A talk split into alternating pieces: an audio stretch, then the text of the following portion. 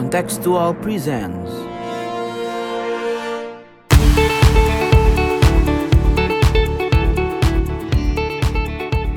Selamat datang kembali di podcast Kasual, katanya kontekstual 2.0. Yo, Setelah hiatus lumayan lama ya kelas karena Lumayan. sekali bapak-bapak ini ya. Kenapa 2.0? Karena kita bakal membawa sesuatu yang lebih fresh, lebih segar di di season 2 lah hitungannya dari Kasual ini. Kita bakal banyak berkolaborasi sama teman-teman komunitas eh, yang suka sama sosial politik lah gitu. Jadi kita berharap ada insight-insight menarik dan gak cuma dari perspektif HI doang gitu. Nah, kita tetap bakal jawab-jawabin pertanyaan kalian yang udah masuk banyak banget setelah kita naikin posannya kemarin-kemarin. Eh, setelah seperti yang kalian tahu kita bakal membicarakan soal otoritarianisme di Asia. Dan nggak cuma sendirian gue di sini Raffi ada Ikhlas juga bakal ngomongin ini. Halo kelas Halo. yoi. Dan karena kita udah bilang bakal kolaborasi terus kali ini kolaborasinya bakal sama himpunan mahasiswa ilmu politik Universitas Indonesia. Sekarang diwakilin sama Ica. Halo Ca selamat datang di podcast kasual. Halo, halo. Halo, halo. Oke, semoga dengan adanya HMIP ini kita bakal dapat insight menarik dari perspektif ilmu politik ya. Asik. Nah, eh, thank you banget teman-teman yang udah nanya pertanyaan yang masuk udah banyak banget dan bagus-bagus banget. Kita sampai susah milihnya.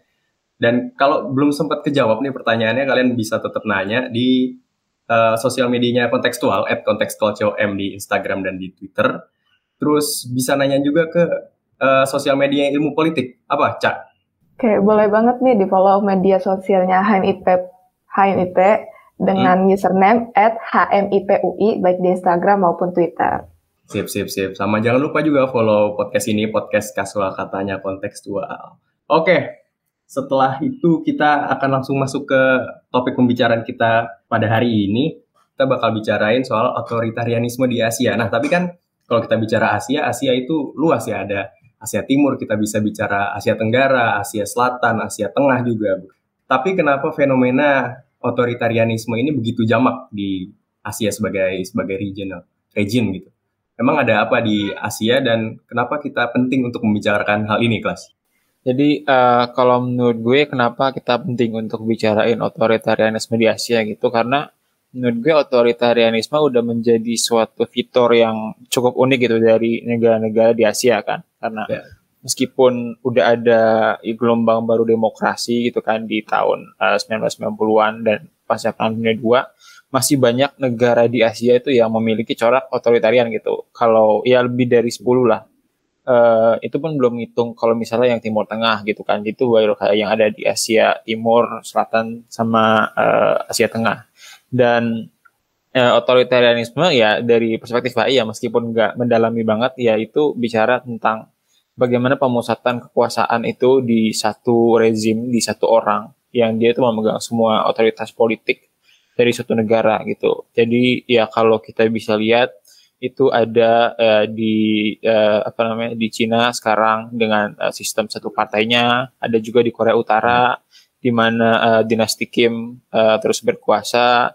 Juga dalam berbagai bentuk lainnya kan ada juga yang monarki absolut, ada juga eh, bentuk-bentuk otoritarianisme lainnya yang dia memusatkan kekuatan kekuasaan itu di tangan satu atau segelintir orang saja gitu.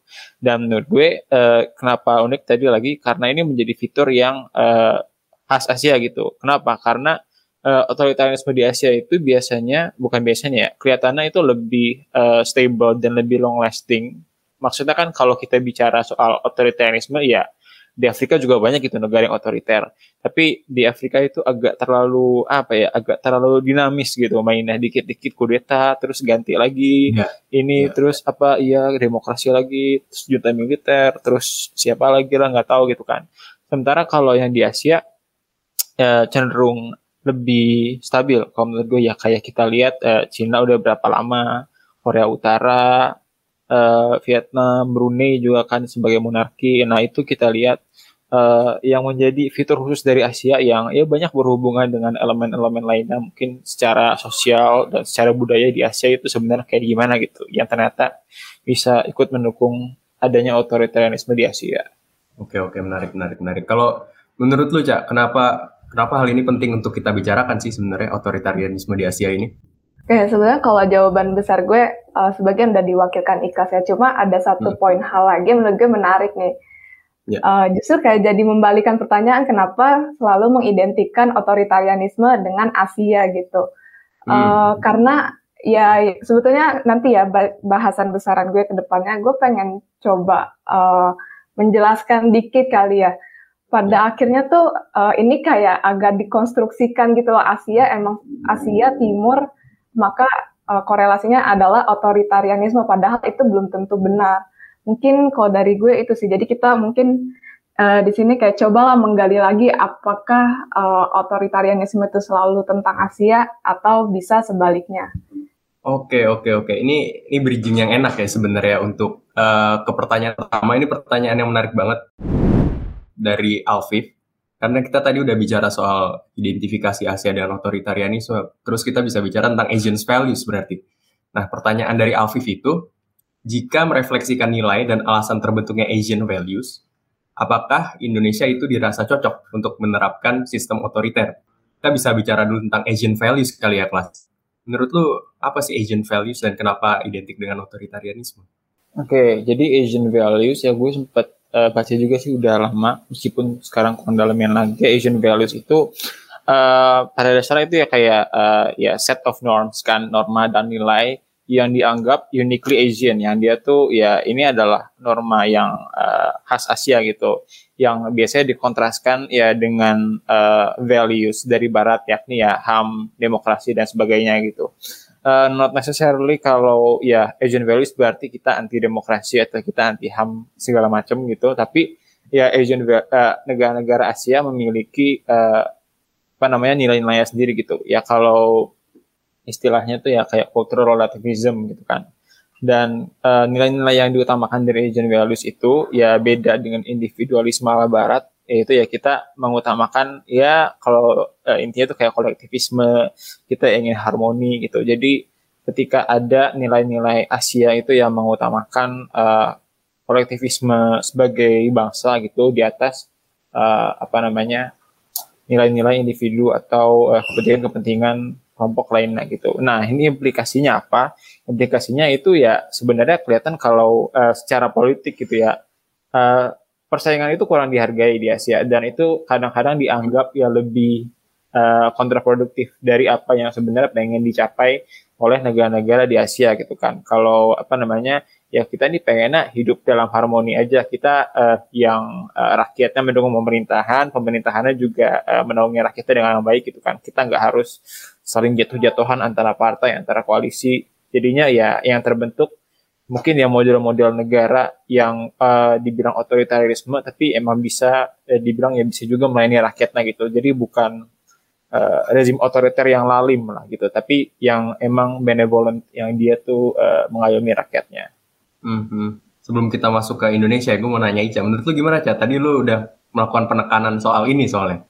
Oke, okay, uh, paling kalau tentang Asia values, gue yang gue lihat ya Asia values, hmm. tapi ini gue akan membedakannya dengan konteks di Timur Tengah ya karena gue agak bingung sih Timur Tengah dibilang Asia tapi kadang gue ngeliatnya uh, beberapa yeah. hal cukup beda yeah. dengan yang uh, kayak di Asia Tenggara dan Asia Timur jadi gue mungkin ketika gue ngomong gue lebih uh, yang gue bayangin tuh konteksnya Astim dan Asteng gitu hmm. nah ngomongin Asian values gue ngeliat nih uh, dan sebenarnya agak diakui juga gitu Asian values kadang merujuknya ke siapa gitu ya yang gue dapatkan sama ini Asian values identik dengan uh, nilai-nilai timurnya Cina dan kadang orang uh, merelatekannya dengan Konfusianis dan uh, penjabarannya lah.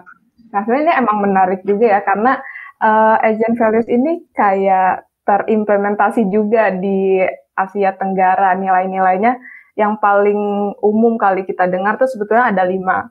Misalnya hmm. kayak uh, kepentingan komunal di atas kepentingan individu. Lalu yang kedua itu keluarga sebagai basis tatanan sosial. Makanya itu tadi ya kenapa komunal di atas individu karena ya mereka berangkat apa ya poin utama berangkatnya itu keluarga sebagai hal yang lebih penting dibandingkan individu dalam anggota keluarga dan itu akhirnya menyebar luas lah pokoknya. Terus yang kedua itu community support, yang keempat konsensus, bukan konflik, dan yang kelima itu uh, harmoni antara ras dan uh, agama gitu. Nah, sebetulnya yang jadi perdebatan selama ini kan kayak waduh ini nilai-nilai Asia Timur bahwa gagasan-gagasan kolektif nih berarti gue sebagai individu dipandang sebagai orang yang gak worth lah di mata komunitas. Nah, tapi gue mungkin sedikit disclaimer lagi kali ya. Coba ada perbedaan gitu antara komunal dengan uh, kolektif gitu dan uh, hmm kalau nggak salah ya, kok gue pernah diskusi gitu di kelas. Kolektif itu emang diksi yang biasanya lebih dekat dengan orientasi kiri lah, sedangkan sedangkan kalau misalnya mau membahas kolektif dalam tatanan Asian values atau Konfusianisme gitu-gitu itu nggak relate karena emang uh, Asian values dan Konfusianisme, Konfusianisme itu nggak relate dengan uh, orientasi kiri. Makanya di sini lebih disebutnya sebagai komunal gitu. Dan kalau misalnya mau merujuk lagi ke sebuah ideologi ada mungkin satu isme yang gak terlalu populer ya. Tapi ini dalam apa dalam tatanan liberalisme anehnya. Jadi ada satu pemahaman namanya komunitarianisme gitu. Ini sebenarnya pemahaman yang lahir dari uh, akarnya liberalisme. Cuma perlu gue jelasin kali ya dikit uh, kalau liberalisme itu kan uh, liberalisme as it is lebih menekankan individu. Nah, kalau misalnya ketika uh, membahas komunitarianisme sebagaimana yang emang diimplementasikan di uh, common Asian countries gitu, ya lo sebagai individu itu dipandang ya udah individu, ya lo worth, lo punya values, lo punya hak. Tapi balik lagi lo itu belong ke siapa? Ya lo simply belong di society. Makanya lo sebagai individu gak bisa selalu uh, mengutamakan ego lo sebagai individu gitu. Lo harus ingat kalau pada dasarnya lo hidup di komunitas di apa ya, masyarakat. Makanya ya itu uh, saya itu udah ada dots-dotsnya ya. Makanya kenapa pada akhirnya Asian values itu menekankan unsur uh, masyarakat ketimbang individu. Oke oke oke. Mantap mantap. Nah uh, kita masuk ke Indonesia dikit ya. Berarti kalau tadi Ica udah bilang soal value kekeluargaan komunal gitu-gitu itu kan sangat dekat dengan Indonesia ya, um, musyawarah mufakat dan lain-lain gitu ya. Dan kita juga punya pengalaman otoritarianisme di Jakarta 32 tahun. Nah, Alfif masih masih bertanya gitu, uh, mempertanyakan apakah cocok sistem otoritarianisme diterapkan di Indonesia? Oke, okay, uh, kalau menurut gue ya uh, overview mungkin gue nggak akan terlalu kebaik atau buruk karena agak susah ininya. Tapi kalau dari ciri-ciri juga, karena kan kita bicara dalam level Asia dan ya ada beberapa uh, unit analisis gak di Asia kan. Jadi kita bisa bandingin nih antara Indonesia dengan negara lainnya. Nah, biasanya negara otoriter itu juga di Asia ya. Dia hmm. uh, ya entah secara secara etnis atau secara agama itu biasanya kurang diverse. Jadi cenderung lebih homogen.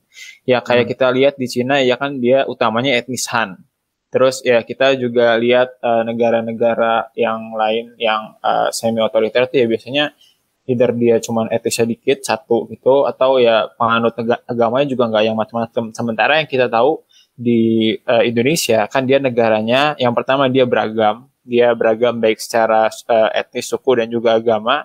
Terus uh, ya Indonesia negaranya kepulauan gitu. Nah, konsekuensi yang kita lihat dari otoritaris otoritarianisme yang diterapkan tuh di zaman Soeharto ya dengan ya Soeharto ya dengan ya, latar belakangnya yang emang Jawa dan uh, populasi di Indonesia yang sebagian besar Jawa dengan pusat pemerintahannya juga meskipun cuma ya 40 50 persenan nggak semuanya jadi nggak mayoritas banget. Jadinya yang terjadi ya dari perspektif itu aja jadinya ada ketimpangan gitu. Kita jadi pemerintahannya cenderung Jawa sentris, kita pemerintahannya ya uh, menerapkan nilai-nilai Jawa dan kayak semacam mengeksklusikan uh, yang dari etis-etis lainnya gitu loh. Jadi uh, dalam aspek itu otoritarianisme di Indonesia menurut gue kurang tepat gitu untuk diterapkan karena emang secara komposisi negaranya agak sulit gitu dan gue juga nggak yakin lo bisa dengan mudah menggabungkan uh, satu keseluruhan uh, hmm. apa namanya masyarakat Indonesia yang kompleks itu bahkan ketika lo ada di bawah satu ideologi gitu kayak pembangunanisme yang ada kan terjadi malah ya represi gitu untuk bisa melanggengkan uh, kekuasaan dari Soeharto pada waktu itu dan apakah sekarang masih mungkin lagi muncul otoritarianisme yang masih mungkin meskipun kalau tadi Alfif bilang ada aktivis demokrasi yaitu justru semakin mencegah munculnya otoritarianisme sih seharusnya ya dan kalau gue pribadi ya mungkin sebaiknya tidak kita jangan ngambil bentuk otoritarianisme yang total banget gitu. Oke oke oke. Kalau menurut lu Cak, kan kalau ngomong cocok nggak cocok tuh beda sama ngomong mau atau nggak mau ya, atau harus apa tidaknya gitu. Kalau menurut lu cocok nggak Cak? Terus apa Indonesia bakal descend into authoritarianism? Hmm, kalau overall sih gue ngeliatnya lagi OTW kali ya, uh, lagi hmm. dalam perjalanan mungkin. Okay, okay, okay. nah tapi gue uh, gue sebetulnya ya agak takut menggeneralisir gitu. Kenapa? Uh, misalnya kan kalau tadi konteks pertanyaannya Alvi itu tentang Asian values ya, gue uh, lebih mm-hmm. relate-nya dengan cultural values gitu. Tapi sedangkan kalau misalnya bahas otoriter terus uh, lawannya demokrasi, ada perdebatan yang dibagi jadi tiga perspektif. Gue lupa siapa aja, tapi seingat gue pertama perdebatannya dari sisi cultural, yang kedua itu dari sisi uh, ekonomi pembangunan, dan ketiga gue jujur lupa apa. Nah jadi uh, gue takut nih kalau misalnya uh, menggeneralisir terus saling membenturkan satu sama lain gitu karena kayaknya jadi debat kusir. Cuma hmm. uh, kalau gue ngeliat Indonesia, lagi-lagi gue bingung gitu kalau misalnya memetakan Asian values-nya Indonesia, Asian values yang mana? Karena gue nggak ada Indonesia kayak uh, memadukan segala hal yang baik gitu idealis yeah. apa idealisnya ya kayak ya udahlah kita ambil poin-poin dari pemikiran Barat uh, orientasi Barat yang baik-baik kita ambil terus yang baik-baik dari timur yang sisi kiri kita ambil terus uh, bla bla bla dielaborasikan jadilah uh, ideologi baru namanya Pancasila nah gue jadi kayak bingung ini nih sebetulnya hmm. Indonesia mau ke mana jalannya gitu tapi hmm. kalau misalnya ngomongin otoritarian dan uh, demokrasi di Indonesia gue jadi ingatnya 50-50 gitu atau mungkin kalau biar fair ya biar gue uh, relate dengan pandangan society ya otoriternya bisa 60 uh, demokrasinya 40 karena lagi-lagi yang gue lihat uh, spektrum otoriternya yang mana dulu gue jadi kayak ngeliatnya tergantung isunya kalau misalnya lo ngebahas tentang isu-isu yang berkaitan dengan humanity terus hak-hak atau mungkin isu-isu yang biasanya kalau lo baca itu di komisi tiga ke satu gitu gitulah ya gue cukup melihatnya hmm. ini uh, agak menyi apa ya nggak emang relate lah dengan uh, apa yang dimaksud otoritarianisme tapi ketika itu ngebahas isunya yang lain lagi, um, let's say gue mungkin sekalian cerita aja ya pengalaman gue waktu selama magang gimana. Ya yang lo refleksikan tentang betapa buruknya pejabat kadang nggak segitunya juga gitu. Mereka kadang mengayomi uh, orang kecil yang mana itu kan kelompok apa ya? Gue nggak tahu apakah mereka dibilang minoritas atau enggak. Cuma mereka kelompok kecil yang mungkin kadang ter, uh, jarang terakomodir. Cuma masih ada aja uh, kayak program-program konkret yang emang bisa mengakomodir kebutuhan mereka gitu. Tapi kalau dibalikin lagi secara apa ya, lebih nasional lagi gitu ya. Bahkan di sisi ekonomi dan kesejahteraan pun gue udah jadi cukup meragukan sih karena entah dari uh, alokasi apa alokasi anggaran pembangunan yang sekarang kok kesannya terlalu uh, ekonomi sentris terus apa namanya uh, mengabaikan hal-hal yang ber, apa isu-isu humanitas gitu-gitu sih. Jadi balik lagi kalau poin gue kadang tergantung isunya. Cuma melihat uh, track record kemarin apalagi waktu zaman-zaman awal 2020 dibilang ini presiden terlalu ekono apa ekonomi sentris sampai lupa ada isu-isu kemanusiaan ya gue cukup bilang bahwa uh, akhirnya kadang di berbagai isu pun Indonesia lagi OTW aja jadi otoriter. Oke oke follow follow up question nih. Uh, kalau misalnya Indonesia descend itu authoritarianism itu, apakah ini karena ada uh, Asian values yang inherent atau karena alasan yang lebih pragmatis sebenarnya? Gue jadi liatnya lebih gini sih. Hmm. Uh, kadang bukan Asian values-nya semata gitu, tapi gimana Asian values uh, atau nilai-nilai timur ini ini jadi alat gitu, alat untuk menjustifikasi tindakan otoriter. Padahal kalau misalnya dibedah ya, ini mungkin emang akan bakalan beda banget sih antara aspek normatif, perdebatan yang lebih teoritis dengan praktiknya ya. Kalau misalnya emang ngomongin aspek hmm. teoritis uh, yang lebih normatif, oke okay lah perlu diakuin gitu. Kalau Asian values gak seburuk itu loh, lo juga apa? Uh, gue sedikit mengutip nih. Ada aduh gue lupa banget nih nama ahlinya siapa. Ya dia pokoknya uh, teorisi demokrasi gitu. Bahkan dia aja bilang gini, uh, coba deh tanyakan apa itu pemerintahan yang baik ke uh, Confucius gitu. Confucius Master Kong pencetus Konfusianisme gitu. Pasti jawabannya gak akan jauh dari jawabannya Plato ya maksudnya jadinya gini orang timur pun juga memiliki rasionalitas yang sama gitu ketika lo ngomongin demokrasi ketika ngomongin uh, isu-isu manusia ya orang timur juga dengan rasionalitasnya punya jawaban yang uh, sepadan dengan literatur kita yang barat sentris lah kalau gue judge gitu hmm.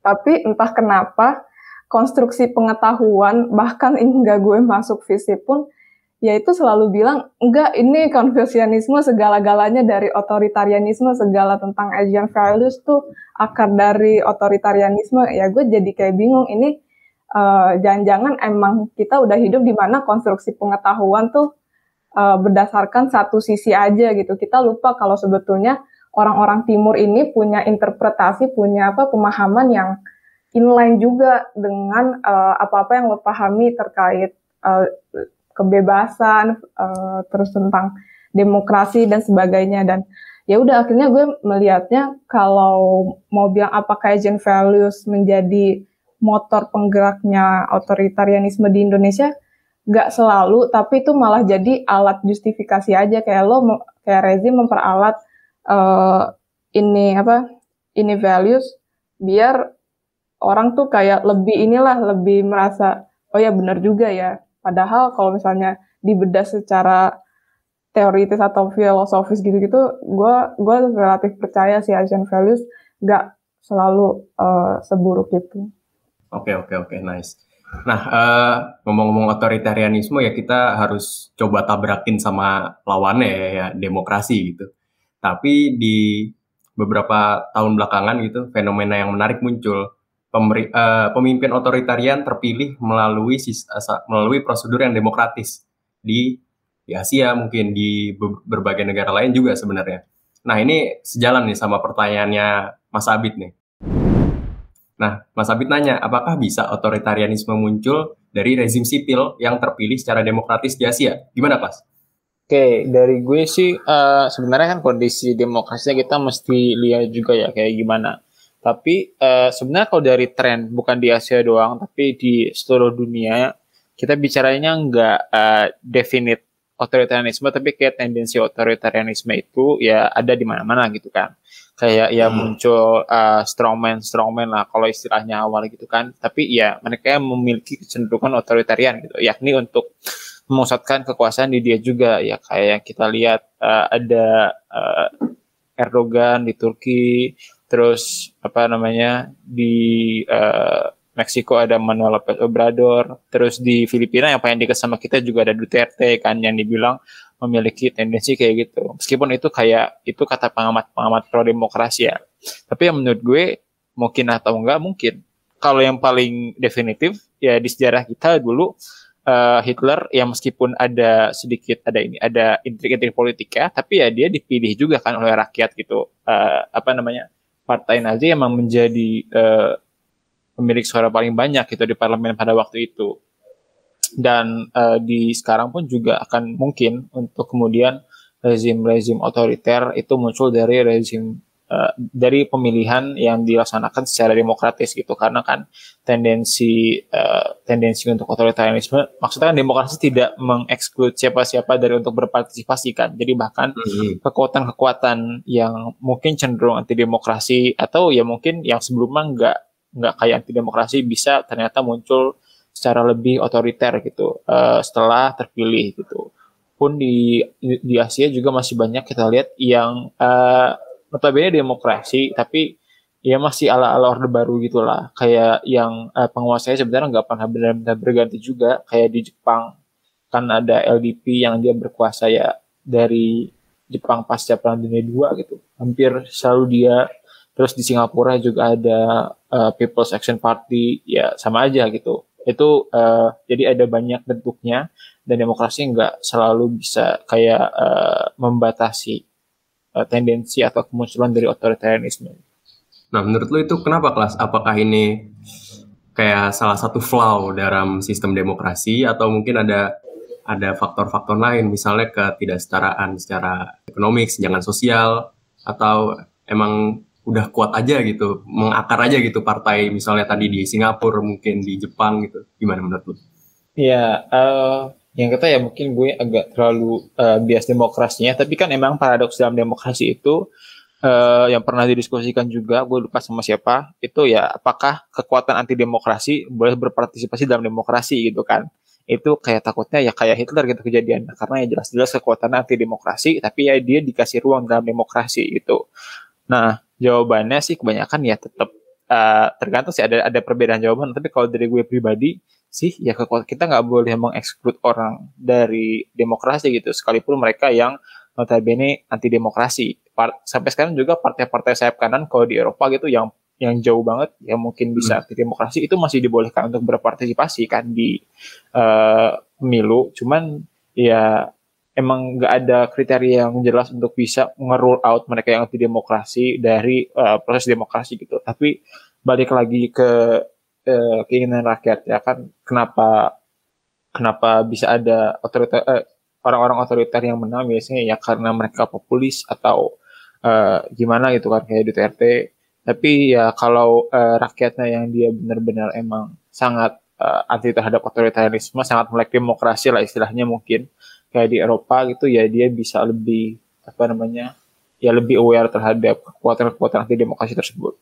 Dan kalaupun di Indonesia eh, di Indonesia di Asia menurut gue ya ketika uh, apa namanya titik titik tipping pointnya tuh bukan lebih ke situ tapi lebih melainkan ke ya kebutuhan rakyatnya lagi. Karena kayak rezim otoriter kayak Soeharto ya kenapa dulu jatuh? Ya karena ada ketidakpuasan itu juga. Selain uh, masalah-masalah yang udah menumpuk selama bertahun-tahun yang kemudian mengakibatkan kejatuhan Soeharto. Meskipun kita lihat rezim-rezim serupa nggak semuanya jatuh gitu kan kayak di hmm. Malaysia, Singapura, Jepang dan lainnya gitu.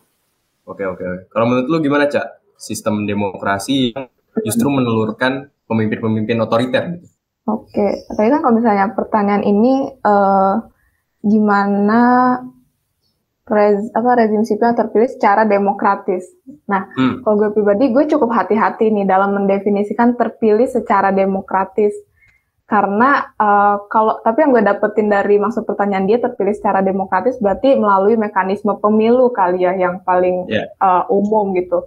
Cuma balik lagi, uh, kalau misalnya per dibagi-bagi studi kasusnya per negara, ya oke okay, kayak Indonesia, Singapura, uh, Korsel, terus misalnya ngomongin negara-negara Indochina gitu ya, mereka punya sistem yang sama gitu, mereka sama-sama punya pemilu. Nah, tapi apakah pemilunya itu demokratis ya, ya itu yang jadi pertanyaan lagi, itu harus dibedah satu-satu. Let's say kalau misalnya uh, kayak di, kalau nggak salah di Kamboja deh, gue inget ini studi kasus paper gue sih sebetulnya. Uh, mereka emang melaksanakan pemilu, cuma uh, man, apa tindakan manipulatif, terus lo menggunakan kekerasan untuk melawan lawan-lawan lo, terus lo menghilangkan gimana cara caranya nih uh, kandidat lain gak ada. Jadi gue sebagai kandidat tunggal, tapi ya udah pemilu tetap diselenggarain. Toh kan katanya pemilu ref, uh, refleksi demokrasi. Nah gitu tuh hal-hal yang pragmatis tapi uh, apa namanya gak sesuai kali ya. Itu yang sering terjadi di negara-negara Asia gitu ya. Gue nggak tahu ya kalau di Indonesia, gue masih melihatnya relatif aman karena misalnya kandidatnya apa calon-calonnya emang mohon maaf ya Pak banyak banget gitu. Tapi kalau misalnya ngebedah ke negara-negara yang tadi gue bilang Kamboja, Thailand gitu itu kan uh, hati-hati lagi gitu. Mereka punya pemilu ya mereka punya, tapi apakah pelaksanaannya tanpa kekerasan ya itu jadi pertanyaan. Jadi uh, itu satu hal. Nah, tapi kalau misalnya apakah rez, apa, otoritarianisme lahir bisa uh, dari rezim yang sipil, gue itu hal yang paling memungkinkan banget sih, karena contoh uh, Indonesia, canda deh, sorry sorry, aduh gue takut ditangkap. Uh, tapi satu hal, jangan Indonesia lah, gue gue masih agak ragu gitu, kayak masih ngambang banget. Tapi kan misalnya kayak di Singapura kan misalnya punya pemilu ya, tapi uh, mereka cukup dikenal banget sebagai negara yang paling manifesting uh, Konfusianisme gitu. dan dibilang eh ini Singapura gitu-gitu otoriter ya gue cukup mengakui sih. Cuma lagi-lagi ada perbaikan gitu. Bukannya otoriter mutlak ya mereka lebih ke soft authoritarianism. Kenapa ada kata soft? Ya karena mereka masih punya pemilu gitu. At least di antara semua aspek-aspek demokrasi yang mereka langgar mereka masih punya pemilu dan uh, kenapa soft karena uh, gue inget nih salah satu diskusi bilang Singapura tuh uh, emang manifesting banget konfusianisme pertama dari tataran pemerintahannya mereka itu milih orang-orang yang uh, dibilangnya kaum intelektual lah. Kenapa mereka milih kaum intelektual? Karena emang ajaran konfusianisme bilang ya orang-orang yang punya privilege terhadap akses pendidikan mereka lah yang harusnya menempati posisi uh, di atas gitu lah. Jadi bingung kan kayak kenapa harus orang intelektual? Ya karena orang intelektual mereka mandang akan lebih bijak, lebih wise ketika mereka merumuskan kebijakan gitu, ketimbang ketika yang ngisi itu eh, orang-orang uh, yang kurang punya privilege dalam hal pendidikan karena ya bisa jadi uh, kebijakan yang dihasilkan itu bias bias terhadap egonya dia sebagai individu gitu dibandingkan merumuskan kebijakan yang bisa mikirin uh, kepentingan masyarakat itu satu hal. Nah, terus gue mikir jadinya kalau emang itu yang terjadi uh, di Singapura ya sebenarnya mereka juga bisa merefleksikan demokrasi gitu walaupun emang ya mereka memikirkan kebijakan-kebijakan welfare ya kayak uh, public housing terus mereka emang concern dengan isu lingkungan karena isu lingkungan mereka pikir ya udah ini balik lagi ke masyarakat. Kalau mereka hidup dengan lingkungan yang buruk mereka nggak bisa produktif.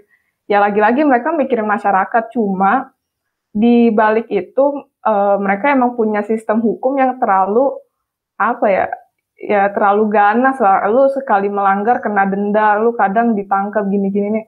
Nah itu jadi kayak dilema banget. Lo punya orientasi kepentingan masyarakat tapi di satu sisi cara lo uh, mengimplementasikan konsep tersebut ditempuh dengan cara-cara represif atau otoriter.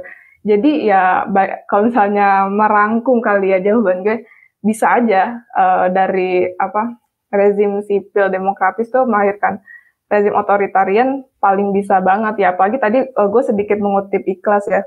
Kalau emang lo demokrasi ya lo harusnya membuka ruang bagi orang-orang yang juga nggak demokrasi gitu. Karena uh, kan kita suka ngebahasnya tentang uh, kesetaraan akses dan sebagainya macamnya berarti dengan adanya kesetaraan akses lo juga memberikan ruang buat si orang-orang yang kontras dengan pandangan lo untuk juga bisa bersuara.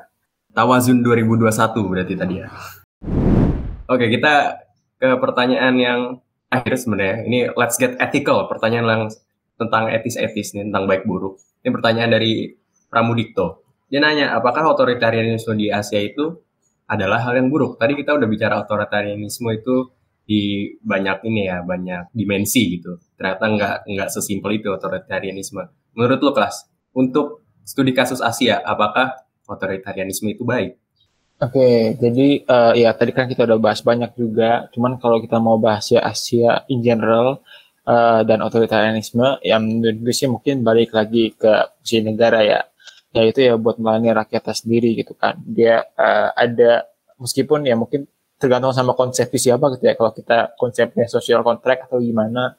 Tapi ya menurut gue itu balik lagi ke kebutuhan rakyatnya yang itu juga berbalik ke legitimasi dari uh, otoritarianisme yang ada.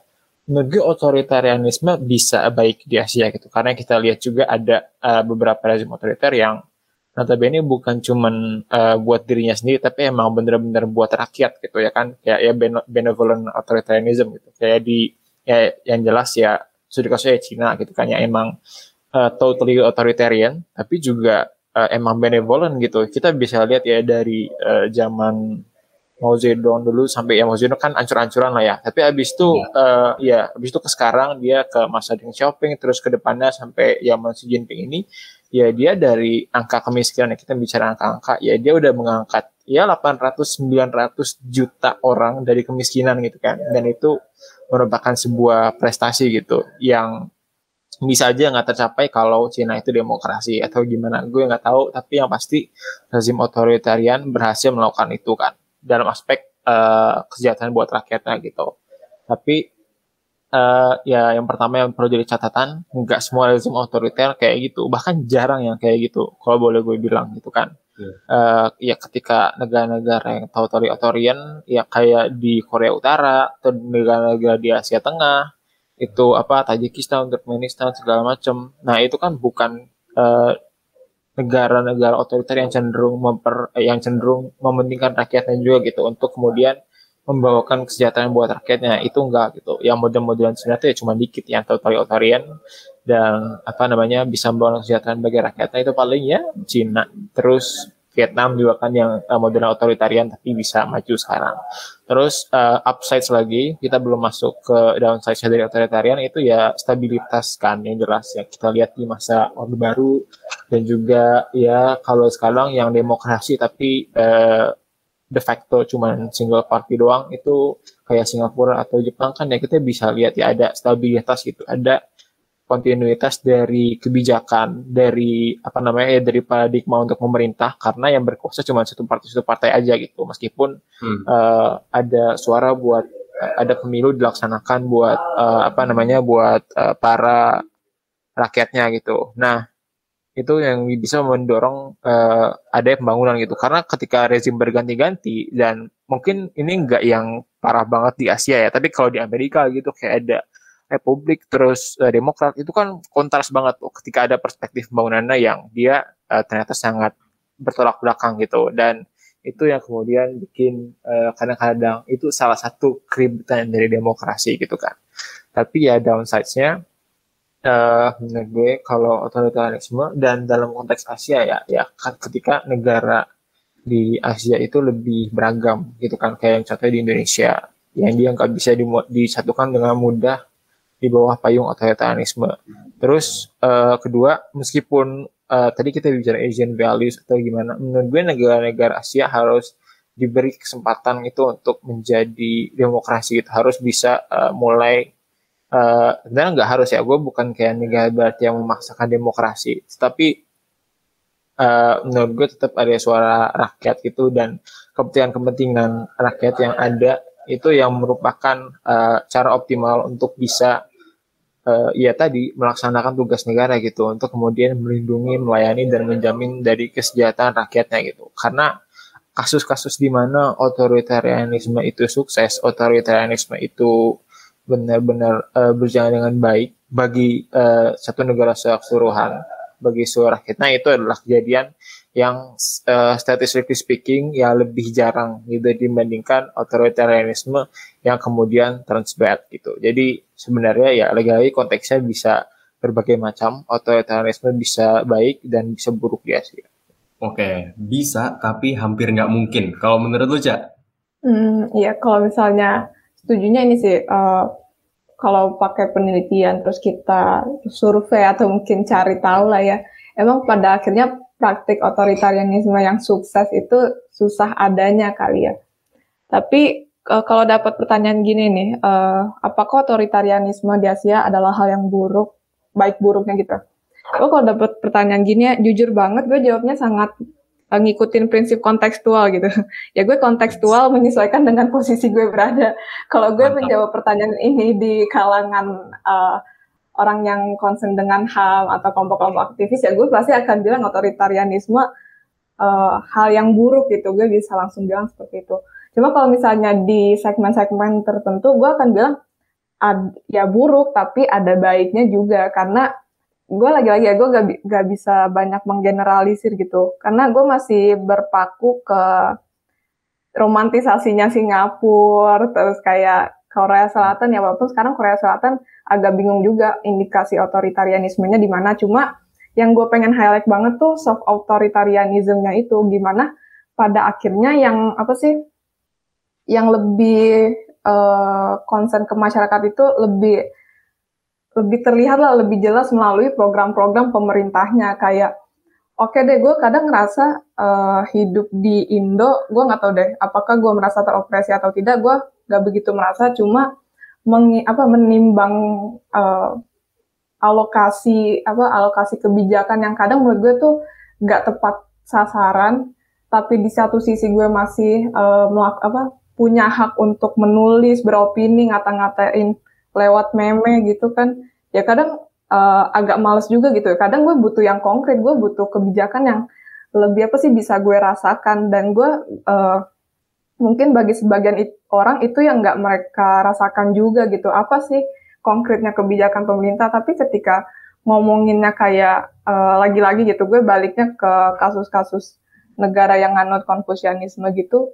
Mereka kadang ya kalau ditanya apakah pemerintahan lo demokratis ya mungkin mereka jawabnya kadang iya aja. Kenapa? Karena ini gue sedikit mengutip uh, riset kali ya, walaupun risetnya udah nggak relevan harusnya. Soalnya ini riset 2010. Ada riset di Cina, uh, pertanyaan dasarnya apakah negara lo demokratis dan apakah lo nyaman? Itu pertanyaan intinya. Sebagian besar orang bilang, gue nggak tahu apa itu demokrasi gitu tapi gue merasa nyaman, gue merasa pemerintah gue bekerja untuk gue. Kenapa? Karena ketika gue kesusahan secara ekonomi, gue masih punya jaring pengaman dan itu emang dijamin oleh negara. Jadi ya balik lagi, akhirnya uh, interpretasi demokrasi pun ada apa ya uh, beragam gitu. Yang kita lihat mungkin uh, enggak nih Cina tuh enggak demokratis banget, enggak uh, bla bla bla. Ya lo benci Cina lah intinya tapi di satu hmm. sisi ketika lo masuk di tataran masyarakatnya dan coba hidup di dalamnya bertahun-tahun, ya lo ngerasa ada akuntabilitasnya pemerintah gitu. Pemerintah kerja buat lo walaupun emang ya terserah lah uh, mau negara barat bilang negara timur negara paling gak demokratis uh, terserah pandangan mereka tapi interpretasi apa sorry banget interpretasi kita terhadap demokrasi ya ini ketika or, uh, para elit tuh bekerja untuk masyarakat dan konkret dan jadi ya gue bingung juga apakah baik atau buruk uh, susah gitu. Apalagi semakin banyak studi kasus yang kadang uh, diem-diemnya otor apa rezim-rezim otoriter tuh kayak shy shy cat gitu di luar tampangnya garang di dalam peduli. Hmm. dan mungkin satu hal lagi kali ya. Gue coba pakai studi kasus negara lain gitu. Otor uh, rezim otoriter. Rezim otoriter mana yang pengen gue hidup di dalamnya gitu. Kalau ngomongin kayak Myanmar gitu sorry banget gitu. Gue gue pasti memilih untuk tidak mau. Kenapa? Karena gini uh, bukan karena mohon rekam maaf, mohon maaf banget gitu. Izin duluan. Karena uh, ini sih gue ingat kalau Myanmar Myanmar Myanmar entah Myanmar atau Laos ya lah keduanya gitu mereka mengakui kalau uh, pemerintahan mereka sama-sama mengadopsi nilai-nilai konfusianisme gitu. Tapi ada catatan merah banget istilahnya gini ya, istilah kasarnya mereka itu menggunakan konfusianisme lagi-lagi hanya sebagai tools buat uh, kayak apa sih kayak teori yang menjustifikasi mereka buat bertindak keras. Tapi interpretasi interpretasi mereka secara intelektual lah ya maksudnya. Secara mengakar itu gak ada. Beda ketika lo ngomongin konfusianisme yang mengakar di Cina di Singapura emang mereka tahu basisnya apa? Ya akhirnya mereka melaksanakannya uh, relatif lebih terarah. Sedangkan kayak yang tadi gue sebut ya kayak Myanmar, Laos gitu-gitu, ya enggak. Gue ngeliatnya mereka hanya udahlah kita comot-comot aja nih konfusianisme, Buddhisme, nilai-nilai Asia Timur, tapi tujuannya udah emang nggak normatif lah, udah sangat pragmatis dan bisa dilihat juga gitu mana orang yang idealis, mana orang yang terlalu pragmatis ya. Contohnya terlalu pragmatis negara-negara tadi akhirnya emang otoritarianismenya terlalu self apa self driven banget gitu sih.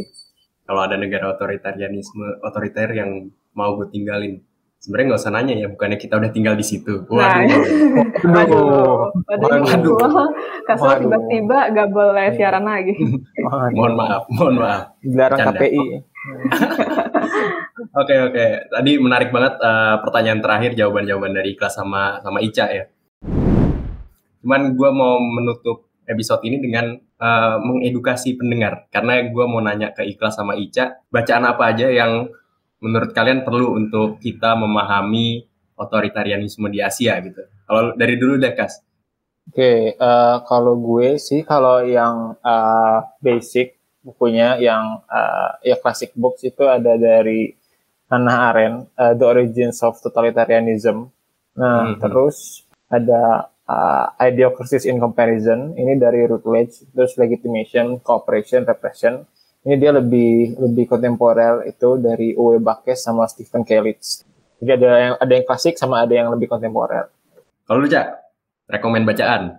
Oke, kalau dari gue um, mungkin bacaannya lebih ke ini kali ya. Bacaan yang menga, apa menghancurkan stigma otoritarianisme di Asia. Sorry bacaan dia Boleh, boleh. Uh, sebenarnya gue bukunya belum baca yang klasik banget ya, apalagi baca kitabnya Master Kong secara komprehensif itu jujur gue belum pernah dan masih butuh waktu lah buat mencerna. Tapi ada sekiranya empat bacaan yang relatif mudah juga buat kalian yang uh, bar pengen coba nih dikit-dikit baca tentang Timur. Pertama itu Western Centrism and Korean Political Thought. Terus uh, yang kedua Communitarian Ideology and Democracy in Singapore. Itu tadi yang gue bilang tentang komunitarianisme Terus yang ketiga itu uh, ini literatur barat sih sebenarnya dasar dari komunitarian. Uh, The Communitarian Constitution. Ya udahlah itu udah jelas bahas apa dan yang keempat ini cukup bikin wow kali ya. Ketika penulis Cina Luo Longji menulis On Human Rights itu jurnal kalau nggak salah. Jadi di situ uh, ada penjelasan gimana para para pemikir Cina yang emang basisnya konfusianisme dan nilai-nilai komunal itu menginterpretasikan hak asasi manusia. Itu menurut gue relatif menarik dan karena jurnal juga pendek, bisalah dibaca cepat. Oke, oke, oke, oke. Nanti link-linknya bakal gue taruh di deskripsi podcast ya, jadi pendengar bisa langsung klik bacaan-bacaannya. Oke, segitu aja dari podcast casual katanya kontekstual di season eh episode pertama dari season 2 ya. Mudah-mudahan uh, teman-teman pendengar tercerahkan dan jawaban-jawabannya tadi memuaskan yang udah pada nanya. Kalau gitu, gue tutup, gue Raffi, Ica, dan Ikhlas pamit dulu.